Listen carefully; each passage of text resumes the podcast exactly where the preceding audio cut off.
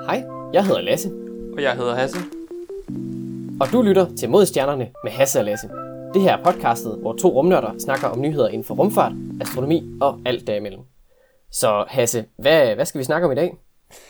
Jamen, øh, Lasse, jeg tror det første, vi skal snakke om i den her uge, det er øh, en, en lidt en anderledes ting. Det er astronomi, men øh, måske lidt, øh, lidt anderledes øh, form for astronomi. Det er tyngdebølger, eller det der på engelsk hedder gravitational waves. Øh, Ja, så uha, der- det, det ja, gravitationsbølger, ikke? Jo, jo, ja, gravitationsbølger, jeg kan også gøre det, ja. Øhm, der er i hvert fald øh, kommet en ny artikel ind. Øhm, jeg sidder lige og har den åben her, hvor der er... Øh, øh, de, første, skal lige sige, de første to sider er bare forfattere, øh, så alle, der har godeste. lyst til at få deres navn på, de har fået deres navn på. Øh, det lyder som en artikel udgivet af nogle kosmologer måske.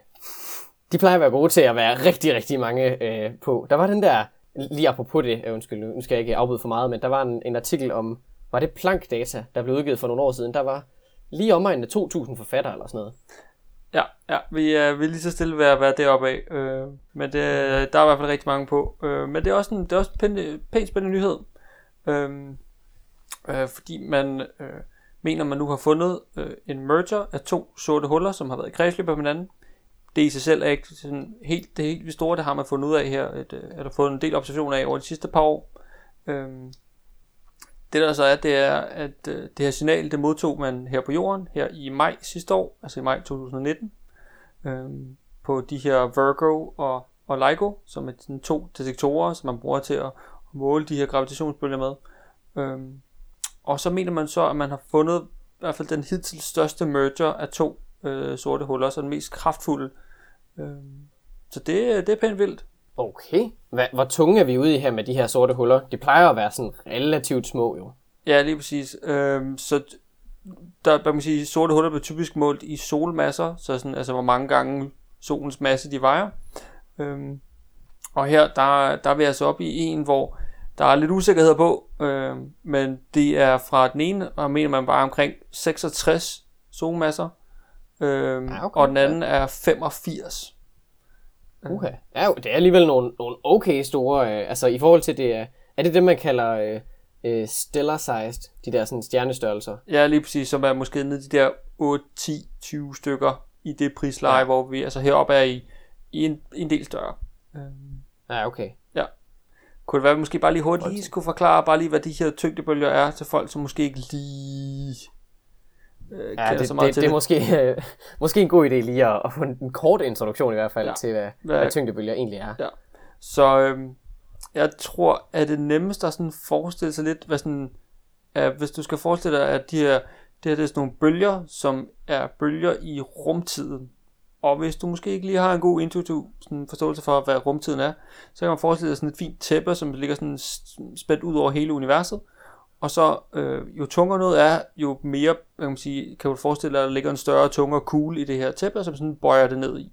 Så du kan forestille dig, at der er sådan et, et, et sådan tæppe spredt ud over hele universet. Og de her tyngdebølger er så sådan bølger i det her tæppe. Øhm, og det kommer så fra øh, de her to sorte huller, som så de spiralerer ind mod hinanden. Øhm, og det gør det ved, at de taber energi.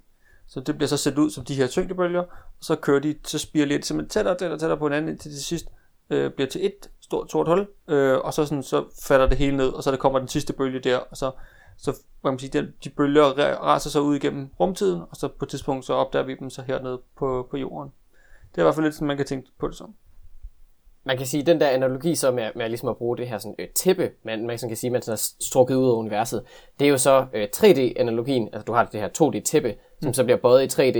Det er lidt det samme, så skal man bare lige, øh, hvad skal man sige, gå, gå en dimension op, så det er 3D, det er jo i hele rummet, Ja. øh, ikke bare i et plan. Og så er det så, hvad skal man sige, øh, ja, øh, det er lidt svært at sådan 4D-bølger at forklare det. Ja, nej, Men, øh, det tror jeg men ikke, vi når skal når ud man, når man, øh, ej, det er lidt en dårlig idé. Men når man detekterer de her bølger, så er det jo i princippet, at man måler, at rummet er blevet en lille smule større. Ja. Øh, så LIGO og Virgo, de her to detektorer, det er det, detektorer. Det, er- det er jo de her, øh, det er nærmest bare en kraftig laser, øh, som, som skyder øh, en laser ud, rammer et spejl, fører tilbage igen. Sådan helt simpelt forklaret. Øh, Ja. Og det man måler, det er i princippet bare den tid, det tager for, for lyset at komme til den ene ende og tilbage igen. Og de her rør, hvad er de? Det er sådan noget 20 km lange? Eller Øh, ej, jeg tror, de er 3 eller 4 km lange, men der er så Ah, okay. en af dem i hver ende, så der, er- eller hver har, hver, hvad man sige, detektor har to, så de har sådan, hvor de så kan måle frem og tilbage. Det er, det er ret vildt. Ja, og, bliver det ikke reflekteret to gange også, eller et eller andet? Jo, der er noget for, at man simpelthen skal, du skal måle, altså, jeg mindes, det er 10 i minus 21 cm, du skal måle sådan forskellen på, altså, i, i så meget bliver, bliver den strukket, den her stråle. Så, altså, det er vanvittigt, at man overhovedet kan måle det. Øh, men det, det kan man. Jeg kan, jeg kan huske, at øh, jeg kan huske, at jeg havde en forelæser, som, øh, som, som forklarede det med. Han har vist nok været derhenne øh, ved, jeg tror det var LIGO, øh, hvor at, øh, at der var på et tidspunkt, hvor der var en lastbil, der kørte forbi øh, den ene af detektorerne, og det havde de målt. Øh, som sådan, så var det ligesom et signal, øh, og så gik de ligesom og ventede over på Virgo for at se, om de kunne se det samme signal, fordi de her bølger, de, de burde gerne, øh, eller det gør de, de, de rejser gennem hele jorden, så man kan detektere dem begge steder. Ja. Øh, men der fik de så ikke noget signal, så de skal have ret meget øh, hvad skal man sige, sådan software til at filtrere alle de, sådan, de forkerte målinger fra. For de kan altså måle, når biler kører forbi ved vejen en kilometer væk. Ja. Det er virkelig, det er super følsom udstyr. Altså, Helt vildt, ja. Det er vanvittigt. Ja, så, øh, så, nu, har, så nu har man så detekteret de her, den her kæmpe store øh, sorte hul, som så er produktet bliver så øh, 142 solmasser. Øh, ja, okay. Og til dem, som måske øh, lytter lidt efter og har kaldt lidt matematik, så hvis man regner ud med 85 plus 66, det giver ikke 142. Øh, øh, men det er simpelthen fordi, at det overskydende masse er blevet til de her energien i de her tyngdebølger. Øh, så det, er, det er jo sådan... Einsteins, øh, den der E er lige med MC i anden, med at energi er lige med masse og, og, og acceleration, eller det, det lyser hastighed jo. Er det ikke sådan? Ja. ja det er vist den, den forkortede udgave jo, men altså princippet, det er det, er det der med, at masse er Ja, energi. princippet er det samme med simpelthen, at massen fra de her sorte hul, som hvad man siger, det overskydende fra, fra summen af de to, den er simpelthen bare blevet konverteret til energi i de her øh, gravitationsbølger, som så har rejst igennem ja, øh, et kæmpe, kæmpe stort stykke igennem universet, og så ned til os her på jorden. Og selvfølgelig bare fortsat. Øhm, så ja, det er, det er pænt spændende, og det sjove er jo så lidt, at de her, eller det er sådan et, øh, et sort hul på cirka 142 solmasser, øh, det kommer til at ligge i det, man kalder, øh, i hvert fald på engelsk hedder, intermediate mass black holes. Så det er sådan et, man har typisk de her steller, som vi snakker om før, som ligger nede i de her øh, måske 8, 10, 20 stykker i solmasser, og så har man dem, som ligger sådan over de der sådan 10.000 solmasser, og sådan, altså kæmpe store, som så hedder ja, supermasse black holes. Igen, det der med astronomer og navne, det er vi rigtig gode til. Øhm, og så, det er og man har lidt, det... ja, man har lidt manglet, jamen det er det. Øh, man har så lidt manglet de her, øh, hvad man siger, intermediates, øh, så de her lidt mellemstadier fra de små, og så til de her kæmpe, kæmpe, kæmpe store. Så mange de her lidt sådan mellemstadiet i de her sorte huller. Om der, fordi hvis man skulle lave sådan nogle kæmpe store sorte huller, kunne det så være, at man har lavet dem i, sådan, i skridt, så man har haft måske to intermediate, der så er blevet til større, eller tre eller fire, så man øh, over tid så man sige, spiralerer ind sammen en og en. Øhm, men det, man har endnu ikke rigtig sådan observeret dem så, så meget. Man har nogle kandidater, øh, men man er lidt, lidt usikker på, øh, om, om de er rigtige. Men nu har man altså fundet sådan lidt, i hvert fald lidt god evidens for, at der har været det her intermediate mass black hole. Øh, så det, det er pænt sejt. Ja, man snakker meget om, at det, det er sådan, jeg ved ikke, om man skal sige sådan hierarkisk, øh, i hvordan man, man laver de her store sorte huller. Fordi altså, du, du kan i princippet, hvad man siger, fra naturens side, øh, eller hvad man nu lige skal kalde det, der kan du kun få lavet de her sorte huller, som er ret små. Øh, hvis, hvis du gør stjernerne, hvis du bare skalerer dem op og gør dem kæmpe, kæmpe store, så, øh, så får man ikke lavet sorte huller, så går de bare fra hinanden. Øh, så, så man bliver så nødt til at have de her små sorte huller, som så lige så stille æder hinanden og bliver gradvist større og større. Øh, og der har man jo så set i, i centrum af de fleste galakser, øh, der ser man jo de der supermassive sorte huller, altså øh, blandt andet vores, vores egen øh, Sagittarius A-stjerne, øh, hvad den, 2,4 millioner solmasser eller sådan noget i den stil. Ja, det, det, jeg, jeg er ikke helt sikker på, om det er præcis det, men vi er oppe, altså, vi er oppe i, i kæmpe størrelse. Ja, vi er oppe i millioner af, af, af solmasser i hvert fald. Det er, ja. det er en, en ordentlig mobbedreng. Og det er jo egentlig et ret lille øh, supermassivt sort hul. Altså sådan, det, for eksempel, nu, nu øh, kan du godt huske det der billede, der var det sorte hul, der var taget øh, sidste år. Jeg ja. tror, vi snakker om det sidste gang også. Det, øh, det, det er jo inde i, i midten af sådan en, en, øh, elliptisk galakse, som er kæmpestor i sig selv. Men det, det sorte hul der er altså også, øh, det er noget større end, end vores eget. Det er, det er kæmpestort.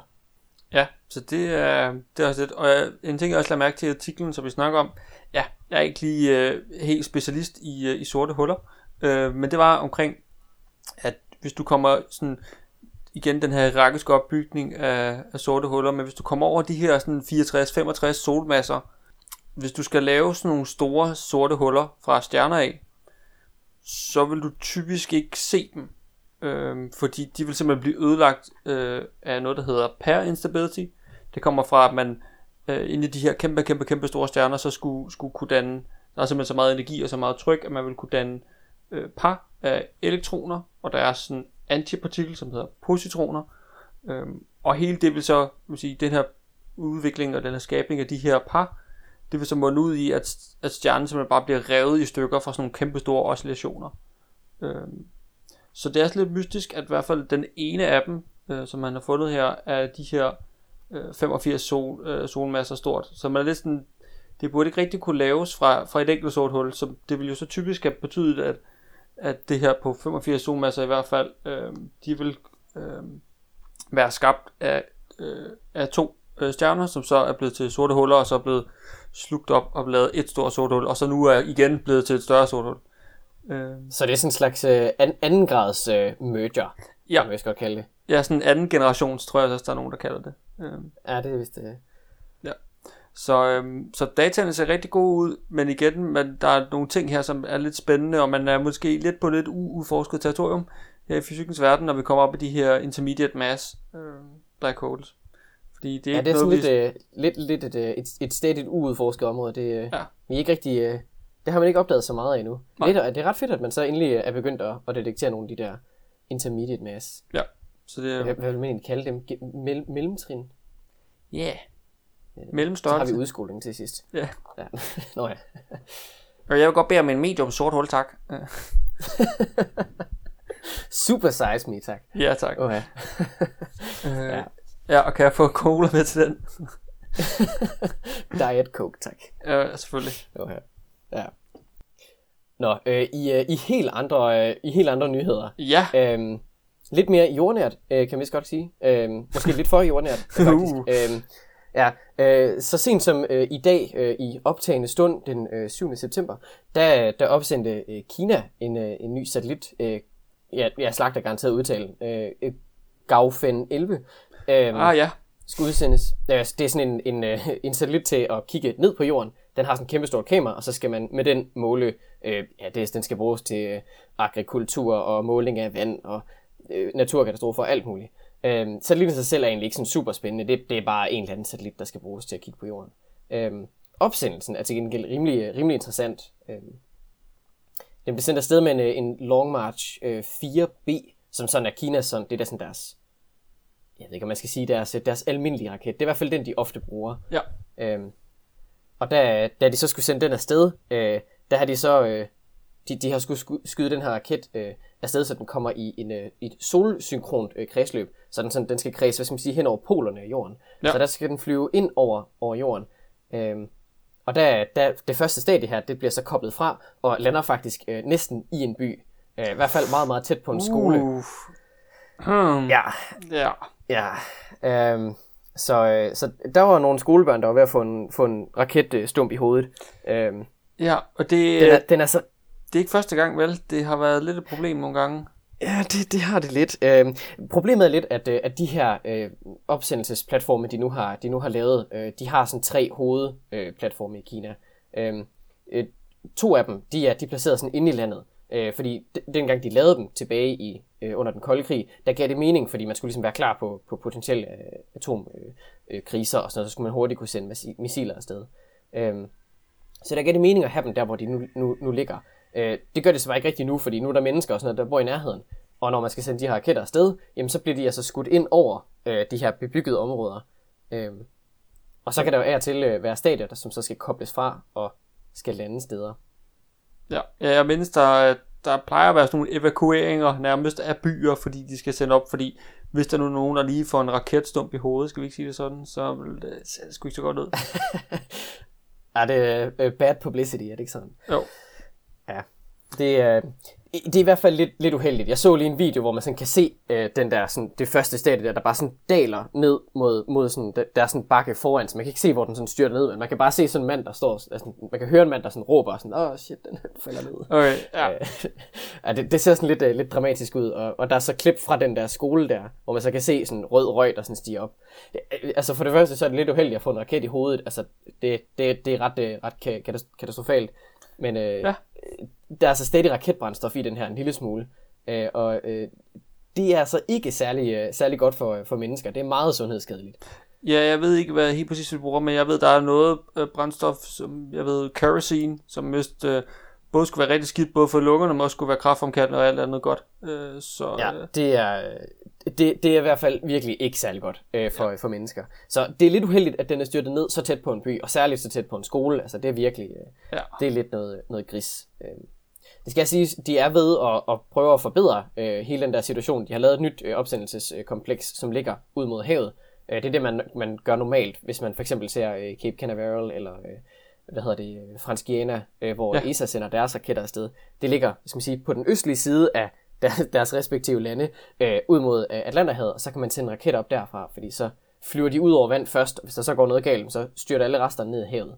Så er der ikke, øh, ikke nogen mennesker, der får det i hovedet. Ja. Øhm, men ja, lige, øh, lige her, der er de altså lige, øh, der er de lige fucket lidt op. Ja. Ik- ikke, ikke fordi, at, at Kina ikke, ikke kan finde ud af raketopsendelser. Det, øh, he, selve resten af opsendelsen gik helt fint. Der var intet der. Ja, ja. Den er i sit øh, planlagte kredsløb og sådan noget, men, men det er sådan lidt... Øh, ja, godt det, det er jo også en del af en raketopsendelse. Det er også, at der er noget, der kommer ned igen. Du skal lige være sikker på, at det ikke rammer nogen. Ja, lige præcis. Det, øh, ja. Så, men øh, der var vist ingen, øh, ingen kommet galt afsted, i hvert fald ikke øh, fra de officielle kilder. Øh, så forhåbentlig er det, er det ok. Men øh, apropos øh, kinesiske opsendelser, øh, så skal de jo også snart begynde at sende øh, det kan man sige, delene op til det, der hedder Changhe, hvis du taler det korrekt igen, øh, som er den første kinesiske rumstation. Øh, og med det kan vi jo måske passende gå over i og snakke lidt om rumstationer generelt i ugens deep dive. Den del af podcastet, hvor vi jo dykker ned i et emne, dog med svømmefødder og med ildtank, så alle kan være med. Ja, så, så rumstationer generelt er jo egentlig lidt et gammelt koncept. Øh, der er mange, der sådan har spekuleret i det, altså også sådan før man havde, havde raketter og sådan noget. Ja, ja. Øhm, men øh, den første, var, det var nogle af de der russere, der var i gang. Hvad var den hed? Øh, uh, ja, igen, vores udtaler bliver nok forfærdelige. Salut. Salut 1, tror jeg. Ja, ja det, det, det er sikkert rigtigt. Det, det går vi med. Salut 1. Øh, ja. ja. som jo så er en af de der sovjetiske øh, rumstationer. Ja. Øhm, tilbage i, hvad var det? 71, tror jeg. Ja, det, ja 71, ja. Øhm, men der er jo også lidt, hvad man siger, de her rumstationer, nogle af dem vil jeg sådan sige, hvor, hvor meget de lige er en rumstation, i hvert fald nu man måske tænker som det gode sammenligning med, øh, vi har i dag, som jo er den internationale rumstation, øh, som jo består af flere dele og er sådan flere moduler og kæmpe store solpaneler og sådan noget. Så, øh, så, så følger lidt nogle, måske nogle af de første her, Salut, og så også senere med Mir og Skylab fra henholdsvis øh, Sovjetunionen og fra USA, øh, så er de sådan lidt, øh, nogle af dem er altså bare nærmest en stor raketdel, som man lige har tømt bunden ud af, og så har man lavet det indersiden af det til, til, til et øh, beboeligt sted i, i, i, et stykke tid. Ja, der, der, det, det svinger meget med, hvor, hvor, hvor stationsagtigt det er, og mere bare lige, øh, her er en, en seng, og så er der et lille laboratorium ved siden af, du kan, du kan arbejde på. Ja, lige præcis, Men, ja. Ja, fordi jeg mindes Skylab øh, øh, egentlig bare er en, er en udtømt øh, brændstoftank, øh, som man så har øh, hvad man sige, renset på indersiden, og så øh, gjort den klar. Så selvfølgelig sat solpaneler til, så den kan lige holde folk i live og gjort en masse ting. Men det er mere sådan, ideen er, at man har taget noget, man havde i forvejen, og, og så dermed øh, udnyttet det på en anden måde. Jamen altså, øh, man skal jo genbruge, hvor man kan, så altså, det giver jo god nok mening at, at bruge de, de elementer, man har i forvejen. Ja. Øh, jeg kan sige, nu her, der gør man det jo lidt anderledes med, med, med hvad hedder det, ISS og, og med den kommende uh, gateway. Ja. Men, uh, Ja, og så hvad man sige, typisk så de her, de gamle her, både øh, Skylab og Mir, er jo så, de er så styrtet ned i det indiske ocean, øh, efter længere tid i rummet. Øh, mens Mir især havde problemer til sidst med, at der ikke var rent nok øh, ombord på øh, Mir. Øh, og derfor så, så valgte man til sidst at bare at cutte funding fra det, og så simpelthen bare sende øh, sende Mir ned i det, i det indiske ocean, hvor det så er styrt ned, hvor der selvfølgelig ikke lige er nogen mennesker til at få en, altså en hel rumstation i hovedet. Øhm, så, ja. Jeg vil sige, ja. en hel rumstation at få den i hovedet, det er måske ikke, ikke det fedeste.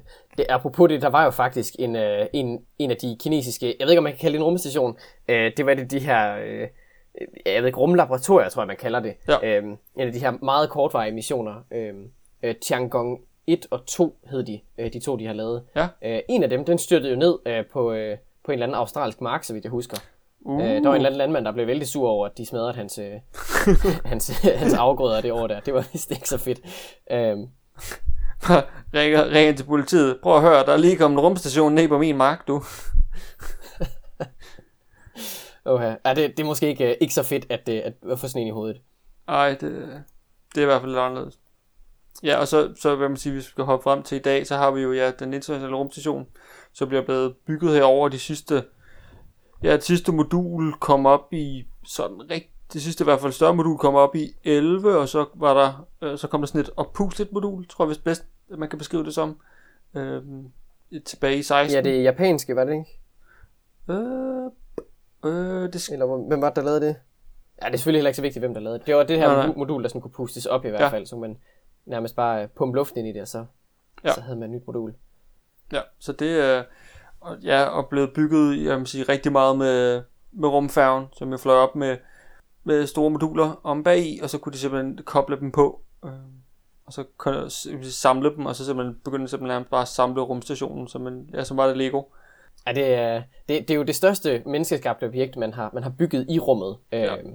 Øh, den er jo, hvad, hvad plejer man at sige, på størrelse med en fodboldbane, sådan en full-size fodboldbane. Ja, hvis man forestiller sig, jeg tror, det er sådan noget omkring 100 gange 100 nærmest, det er, det, vi er deroppe af. Det er selvfølgelig, det skal man lige huske at tage det fra. Det er ikke, øh, hvad man siger, som om de har en hel fodboldbane at bo på op i, op i rumstationen, men det er mere størrelsen af det, især solpanelerne, der, der genererer al strøm ombord. Det, øh, det er sådan noget, man lige skal huske at tage højde for.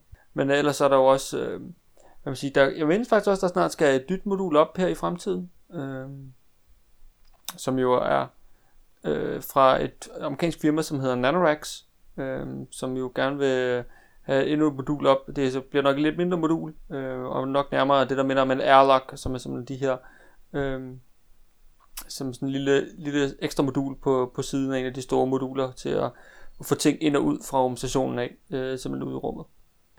Øh, men ellers også, så øh, i hvert fald en sjov ting, jeg altid tænker på, øh, som måske ikke så mange ved, at det er, at fra den 2. november i år 2000, øh, så ja, det er så snart 20 år siden, øh, der har der altid været min, minimum en person i rummet øh, ombord på rumstationen. Øh, så altså så, siden den dag, så har der altid været en, der ikke har været på jorden. Altså af mennesker. Det er, det er lidt pudsigt. Det er lidt vildt at tænke på, at, at, at der altid har været mennesker i rummet siden den dag. Ja. Det er faktisk lidt vildt. Siden den dag, så har vi nærmest været at være ekstra øh, planetar eller interplanetarisk. Altså så har, der har vi haft, altid været en, der ikke har været på planeten. Ej, det er faktisk øh, det er ret sjovt. Ja. De, de er jo oftest på rumstationen. Der, altså til at starte med var de jo tre af gangen, som sådan et hold. Øh, og det har de så siden opgraderet til at være seks. Og der er egentlig plads til ni, er der ikke? Jo, men relativt kort vej, fordi det, det, det kræver, der skal genereres rigtig meget ilt, selvfølgelig til de øh, til dem, der er ombord. Øh, men der er også, der, jeg vil sige, der er sovepladser til det, men det er ikke, ikke optimalt, at man skal være så mange. Øh, typisk, ja, så er der måske øh, nu Lige her for tiden er de kun øh, tre ombord. Øh, de to øh, kosmonauter og så en amerikaner. Øh, der har jo lige været to amerikanere op. Øh, Bob og Doc, som vi har snakket om tidligere. Øh, men øh, der ja, skal også snart hjem, ja, så. Ja, lige præcis. Men der kommer heldigvis snart øh, et nyt crew op øh, til at, at hjælpe lidt. Ja. Ja, fordi, hvad man siger, de, de er jo ikke bare op for at lave ingenting. Altså, de er ikke bare op for at lave sjove løjer og hoppe rundt i, i tynd, lav tyngdekraft. Øh, ej, de, de er der jo for, for at udføre det, et stykke arbejde, kan man sige. Ja. Grunden til, at man overhovedet laver en, en rumstation, altså det virker jo lidt, øh, måske lidt som ressourcespil at, at sende nogle mennesker ud i rummet, for så kan de øh, hænge rundt deroppe og, og kugelure og tage billeder og sådan noget. De skal jo reelt set lave ting. Øh, og det man gjorde i hvert fald med de tidligere Skylab, der ligger det lidt i, øh, i navnet, at, at der var det laboratorier, og det har det jo så også været med de, de kinesiske rumlaboratorier osv. Øhm, men øh, men det, det ISS' øh, primært, primære formål er, det er helt sikkert, at man kan lave øh, forsøg der. Det er bare et, et øh, et laboratorium i, øh, i lav tyngdekraft, man så kan bruge til, til, hvad man lige har lyst til. Øh, og de har jo lavet, jeg ved ikke hvor mange forsøg efterhånden, altså flere tusind forsøg. De, øh, de laver virkelig alt muligt.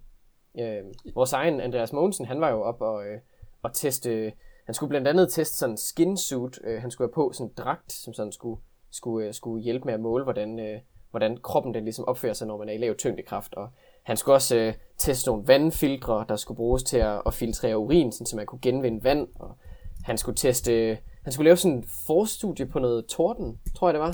Tage nogle Øh, ja, billeder han af nogle øh, tordenkiler og sådan noget. Ja, han skulle jo op og, øhm, og installere øh, en, en del... Øh, Ja, Asim, var det ikke det, den hed? Jo, øh, hvor jo en stor del af det blev lavet her øh, hos Therma, dansk firma, som er jo super dygtige især til at lave strømforsyninger til, til ting, der skal i rummet. Det er de generelt nok nogle af de bedste i verden til. Ja, meget apropos, så har de jo øh, lavet øh, strømforsyning til den nye øh, BB Colombo-mission, der skal til øh, Merkur. Bare lige Ja. til, øh, hvis man er interesseret. Ja, så, øhm, så, så ja, altså ja, ISS er jo bare et, et stort laboratorie, øhm, både indeni, men også udenpå bliver der altså også øh, forsket rigtig meget, altså på ydersiden af rumstationen.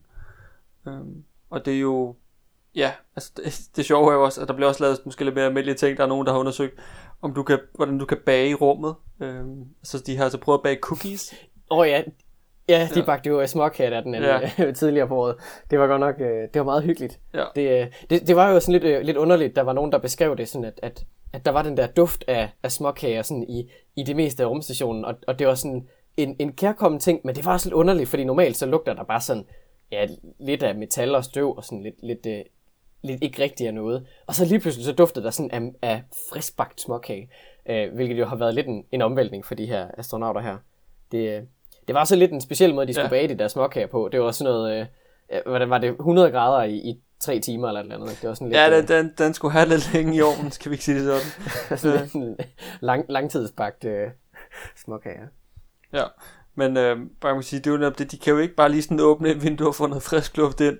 Øh, det, er, det er lidt svært ja, Gen- generelt mange af de der sådan, sådan lidt øh, øh, luksusting, det har de jo ikke rigtig tilgængeligt. Altså sådan, deres mad er jo i poser og sådan noget. Ja. Øhm, der var dog lige den der ene gang, de havde, eller de havde jo lige en årrække, der havde de jo en, øh, en espresso-maskine, øh, Ja. som kunne lave, øh, lave lækker, lækker kaffe til dem. Øh, som var udviklet, jeg tror faktisk, det var i samarbejde med Lavazza, de der, det store øh, italienske espresso-firma der. Øh, den hed så øh, IS Espresso, hvilket jo er Ah. et fænomenalt navn. Altså, så det var en espresso, ja, okay. Ja, det var, ja, det var ret fedt. Så, Ja. ja. så der kunne man, øh, der kunne man få, øh, få espresso. Det var faktisk lige omkring, da Andreas Mogensen han var op, da de fik den installeret. Jeg tror, det var lige før. Sejt. Så, øh, så der kan man, øh, man, man kunne få øh, espresso, og, og så åbenbart også småkager. Det ender med, at det bliver en, øh, en øh, kaffebar. Yes, altså, jeg ved i hvert fald også, planerne er øh, for fremtiden, at der skal blive flere og flere det, der hedder kommersielle partnere ombord på rumstationen, så det er ikke blot er lande, men så man simpelthen kommersielle partnere kan, kan man sige, købe tid eller købe plads ombord på rumstationen. Øhm, og der går jo også, øh, jeg ved i hvert fald, det er ikke bare rygter mere, men det er blevet øh, bekræftet, at ja, den kære øh, Tom Cruise jo skal lave altså, en, en film, eller i hvert fald skyde noget af en film ombord på rumstationen. Det bliver jo sindssygt. Altså, hvis man kunne lave øh, Mission Impossible i rummet, altså hvis han lige hvor han svæver ned, og lige skal svæve hen over en eller anden knap, og lige øh, taste nogle ting ind, og så stjæle nogle hemmeligheder, så kan jeg bare gøre det i vægtløs tilstand nu. Altså, det bliver jo helt vildt. Øhm, så det, øh, det ser jeg frem til, at der, der kommer til at ske lidt anderledes ting. Øh, men vi kan da krydse fingre for, der måske ikke lige kommer en Starbucks ombord. Øh, det behøver måske ikke lige være på rumstationen. Ja, det ville være lidt mærkeligt. Ja. Starbucks, eller. Ja, ej, det, øh, ja. Så rumstationen øh, i den internationale er jo så, øh, hvad skal man sige, det store, vi har lige nu. Ja. Og så skal Kina jo så til at bygge deres egen øh, Tianhe, øh, som så, eller, ja, hvad hedder det, det kommer egentlig til at hedde et eller andet langt, den hedder sådan noget, øh, øh, Chinese Large Modular Space Station, eller et eller andet, Ja. øh, fordi den bliver bygget i de her moduler. Øh, men, men hovedmodulet hedder Tianhe, og så bygger man så nogle andre dele på. Ja. Øh, det bliver sådan deres, øh, deres store rumstation. Den er stadigvæk noget mindre end, øh, end, end ISS. Den bliver sådan på størrelse med Mir, så en femtedel af, af ISS. Ja. Øhm, og så efter den, så er det, det næste sådan store, vi har i rumstationer, det er jo så øh, Lunar Gateway, øh, den, den nye rumstation, som så skal, skal være placeret øh, i kredsløb om månen, i stedet for om jorden. Det bliver første gang, man laver en, øh, en station om, om et andet himmellegeme. Ja, Det, øh, det bliver jo vildt. det bliver ret fedt. Ja, det, det bliver virkelig... Øh, altså, det er sådan... Det er sådan det, for mig der er det sådan lidt sci-fi-agtigt, at man laver en, øh, en rumstation om, om et helt andet himmellegeme. Det bliver altså... Øh, det er rimelig sejt. Ja. Ideen er jo så, at man tager fra jorden ud til Gateway, som er i kredsløb, og derfra den tager man så et, øh, man sige, en, en land, landingsmodul ned til månen. Så det er lidt, lidt et, som lidt navnet lige det er sådan en gateway, altså sådan et stop på vejen, inden man skal videre ned til, til månen. Ja, så man skal lige skifte, skifte fra, fra, hvad hedder det, Intercity-tog til, til lokalbus. Ja. tager man lige en, tager man lige en shuttlebus ned til, ja. til overfladen. Men du skal huske at tjekke ind og ud med rejsekortet. Ellers så bliver du bonget for den vildeste lange tur. og det er ikke bare en 50 øh, kroner bøde for ikke at ah, nej, nej, nej, nej, Det er virkelig... Uh, uh, ej, det er ikke sjovt. Ja. Det bliver, det bliver så noget mindre rumstation, den der kommer til at være månen her. Det bliver, det bliver ret kompakt, men, ja. øh, men bare det, at man, man går i gang med at lave den. Ja, den er tiltænkt, at de går i gang, hvad er det, 2024, eller er det, er det rykket på grund af, af, af diverse sygdomme? Øh, det kan godt, altså man har jo, man prøver at men der skal først være en mission, hvor man sender øh, jeg vil sige, det nye måneprogram fra, fra NASA af, så er man først skal sende en mission i kredsløb, bare at man kommer op omkring månen, inden man sætter mennesker til. Øhm, om Gateway lige bliver det første, man starter på, at man bare flyver direkte til månen. Det, jeg mindes, man flyver direkte til månen til om start, men Gateway bliver, øh, jeg kunne forestille mig her, lavet mellem nu og 2030.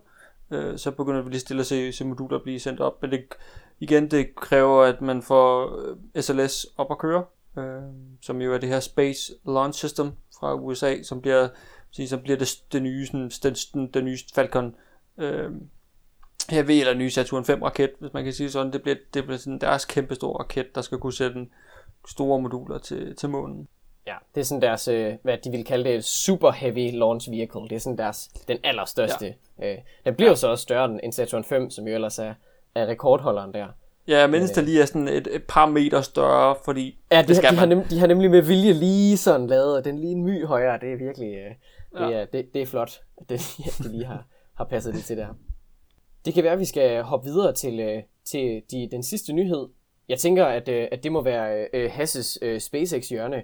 De, uh, de har garanteret lavet et eller andet igen, har de ikke? SpaceX har altid lavet et eller andet. Øhm, så øh, apropos øh, at, at lave et hop, øh, til et nyt segment, øh, så har SpaceX igen lavet et hop. Øh, den her gang, så er det SN6. Øh, SN5 lavet for et hop for et stykke tid siden. Øh, nu har den så igen her den 3. september øh, lavet endnu et hop, som er de her igen 150 meter op, og så lige svæve lidt, og så ned og lande igen. Øh, så og det gik jo øh, fuldstændig som planlagt. Øh, og det, ja, man kan sige, det viser jo bare endnu en gang, at der, der sker altså noget hos SpaceX. De har styr på det, og det går fremad hurtigt så der, jeg vil sige, det er stadigvæk lidt, øh, øh, lidt i gang med rygterne her, men det er stadigvæk altså, at øh, SN8 bliver den mere færdigbyggede øh, version, så sådan øh, to øh, versioner fremme længere henne af den her Starship. Det, den skal altså være den næste, der skal op og flyve sådan rigtigt, øh, som skulle, nogen siger, at de skal op og flyve de her 20 km hop. Er det, så i, er det så i højden, eller er det, er det, at den skal flyve 20 km afstand? Hvordan fungerer det? Øh, nej, det vil være 20 km op øh, i, okay, i højde. Ja. Ja, øhm, hvor raketten også vil være mere færdigbygget. Lige nu ligner det bare en stor cylinder, men at lige nu så, øh, så ligner de her øh, hvad man siger, seriemodeller, siger serial number 5 og 6, de ligner altså bare, hvad ved jeg, en stor flyvende øldåse nærmest. Det, de, det ligner ikke lige raket, men øh, SN8 skulle altså få den her øh, næsetip på, en nose cone, øh, og så også få finder på siden til at, at, kunne, øh, at kunne styre lidt mere, når den så skal ned igennem atmosfæren igen, når den så har været de her 20 km op og vende. Øh, det, men det bliver altså først med SN8, men øh, altså med den her hastighed, så kan det godt være, at det bliver inden jul. Øh, men det er selvfølgelig igen, hvad vejret lige... Ja, jeg vil sige, det, det, det er godt nok gået stærkt, altså, øh, altså fra, fra de, de ikke engang havde en, øh, en, en prototype, der, der fungerede til, til nu her. Der er så, øh, de har virkelig taget nogle, øh, nogle ryg. Ja, det, det, det går så stærkt. Ja. Men, øh, men ja, indtil videre, så må vi nøjes med flyvende øldåser. Ja. det, øh, forhåbentlig får de øh, finder og, og næsetip. Ja. Det, det, det kommer nok, øh, nok lige om lidt.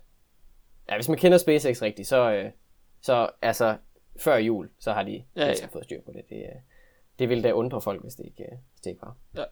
ja, men så er der ikke mere for den her gang, så jeg tror bare, at vi gerne vil sige tak, fordi I lyttede med i denne uge. Hvis du har ris, rus, sjove artikler eller andre gode ting, vi skal snakke om, så øh, kan du altid øh, sende en mail ind til modstjernerne, snabelag, gmail.com. Du kan også huske at følge os på diverse sociale medier, og selvfølgelig følge podcastet på din yndlingspodcast tjeneste. Vi snakkes ved i næste uge.